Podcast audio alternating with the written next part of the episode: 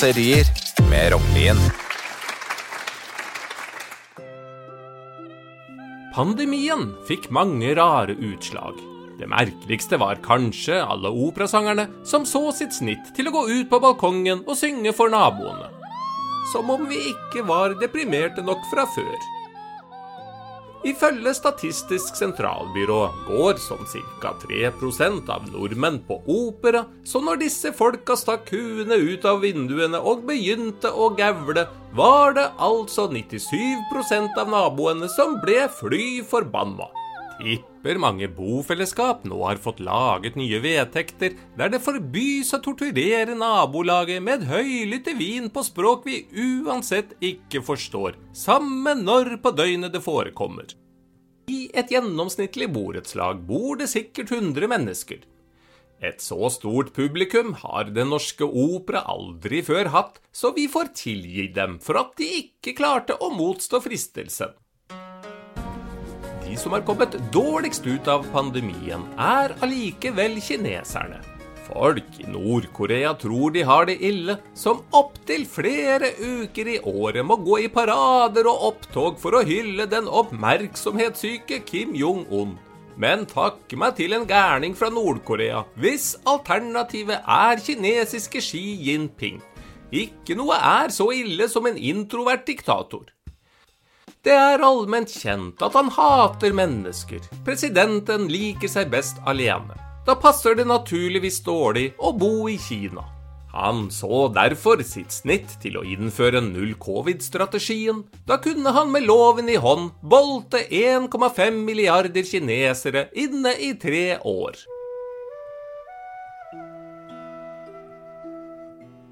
Aldri har han hatt det så fint. Han kunne gå i parken helt alene, fikk svømmehallen helt for seg selv og tok lange turer på den kinesiske mur uten et menneske i mils omkrets. Selv til diktator å være er det godt gjort å arrangere et vinter-OL der du selv kan være den eneste tilskueren. Det kan ikke ha vært lett for de stakkars innestengte kineserne å holde stemningen oppe i en karantene som varte i mange år. Antagelig var Xi Jinping smart som ventet med dette grepet til etter at han hadde opphevet ettbarnspolitikken. Den sikreste måten å miste hodet på, ja, sånn bortsett fra å være sau i Voss, er å fortelle en enehersker at han har gjort noe dumt. Xi Jinping hevdet derfor i flere år at null covid-strategien var en suksess, og antagelig trodde han på det. Ingen turte fortelle ham noe annet. Men fiaskoen kunne ikke skjules til evig tid. Etter gjenåpningen har selv kineserne oppjustert dødstallene, men fortsatt hevder de å bare å ha mistet noen få titusener. Utenlandske eksperter mener det riktige tallet snart vil være 1,5 millioner. I det minste har vi fått lagt diskusjonen død om hva som er å foretrekke av en kalkulator og kuleramma. Det var naturligvis synd på kineserne, som ble innelåst i trange hybler i både måneder og år, men aldri så gæli at det ikke er godt for noe. Nå skjønner de i det minste hvordan deres landsmenn, uigurene og dissidentene har det. Det er ambisiøst å skulle kontrollere 1,5 milliarder mennesker. Arbeiderpartiet klarer jo ikke engang å holde orden på Trond Giske. Tipper Xi Jinping er glad for at den ustyrlige trønderen ikke bor i Kina. Alle trodde den tidligere nestlederen i Arbeiderpartiet var trygt begravet, men jaggu sto han ikke opp fra de døde, etter først å ha blitt både hånet og vingeklippet. Giske ble kastet ut av ledelsen, fordi omverdenen ikke tolererte det partiet selv hadde tolerert i flere tiår. Tusen år etter Olav den helliges død strømmer det igjen pilegrimer til Nidaros, men denne gang for å bli en av Trond Giskes fanebærere i hans sosialdemokratiske forum. Jeg har sett flere TV-innslag fra møtene i lokallaget, og ser ikke bort fra at noen av de nye partimedlemmene også deltok på slaget ved Stiklestad. Gjennomsnittsalderen er riktig så høy. Mon tro om vi ikke her finner den egentlige grunnen til den voldsomme medlemsøkningen.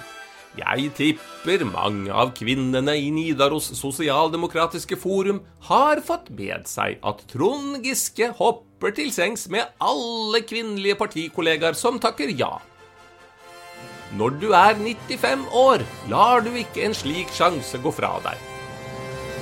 Når sant skal sies, er det ting som tyder på at vårt lands første elsker heller ikke er fremmed for en hyrdestund, også med de som sier nei. Trøndelag er med andre ord et rart fylke. Der våger ikke foreldrene å sende jentungene sine til møter i AUF, og det går nok ikke lang tid før de heller ikke tør sende sin gamle mor til samlinger med Nidaros Sosialdemokratiske Forum. Det har på rekordtid blitt Norges største lokallag. Nå skal det sies at en av grunnene til at Olav ble kalt den hellige, var at håret hans fortsatte å gro etter hans død.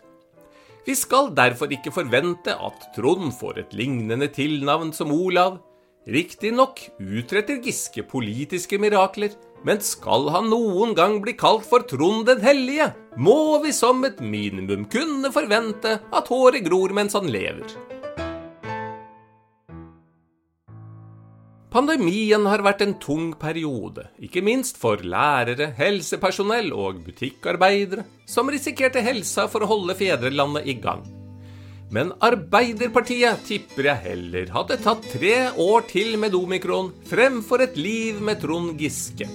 En pandemi går over, men en kronisk betennelse varer livet ut. Norske aviser kalte ham lenge for Tronprinsen, men nå hevder partikollegaer at han dolker dem i ryggen og bidrar til å rive partiet i fillebiter. De anser ham så visst ikke som Trond den hellige, men kanskje tvert om som Trond den skinnhellige. Du har lyttet til Kuriøse kåserier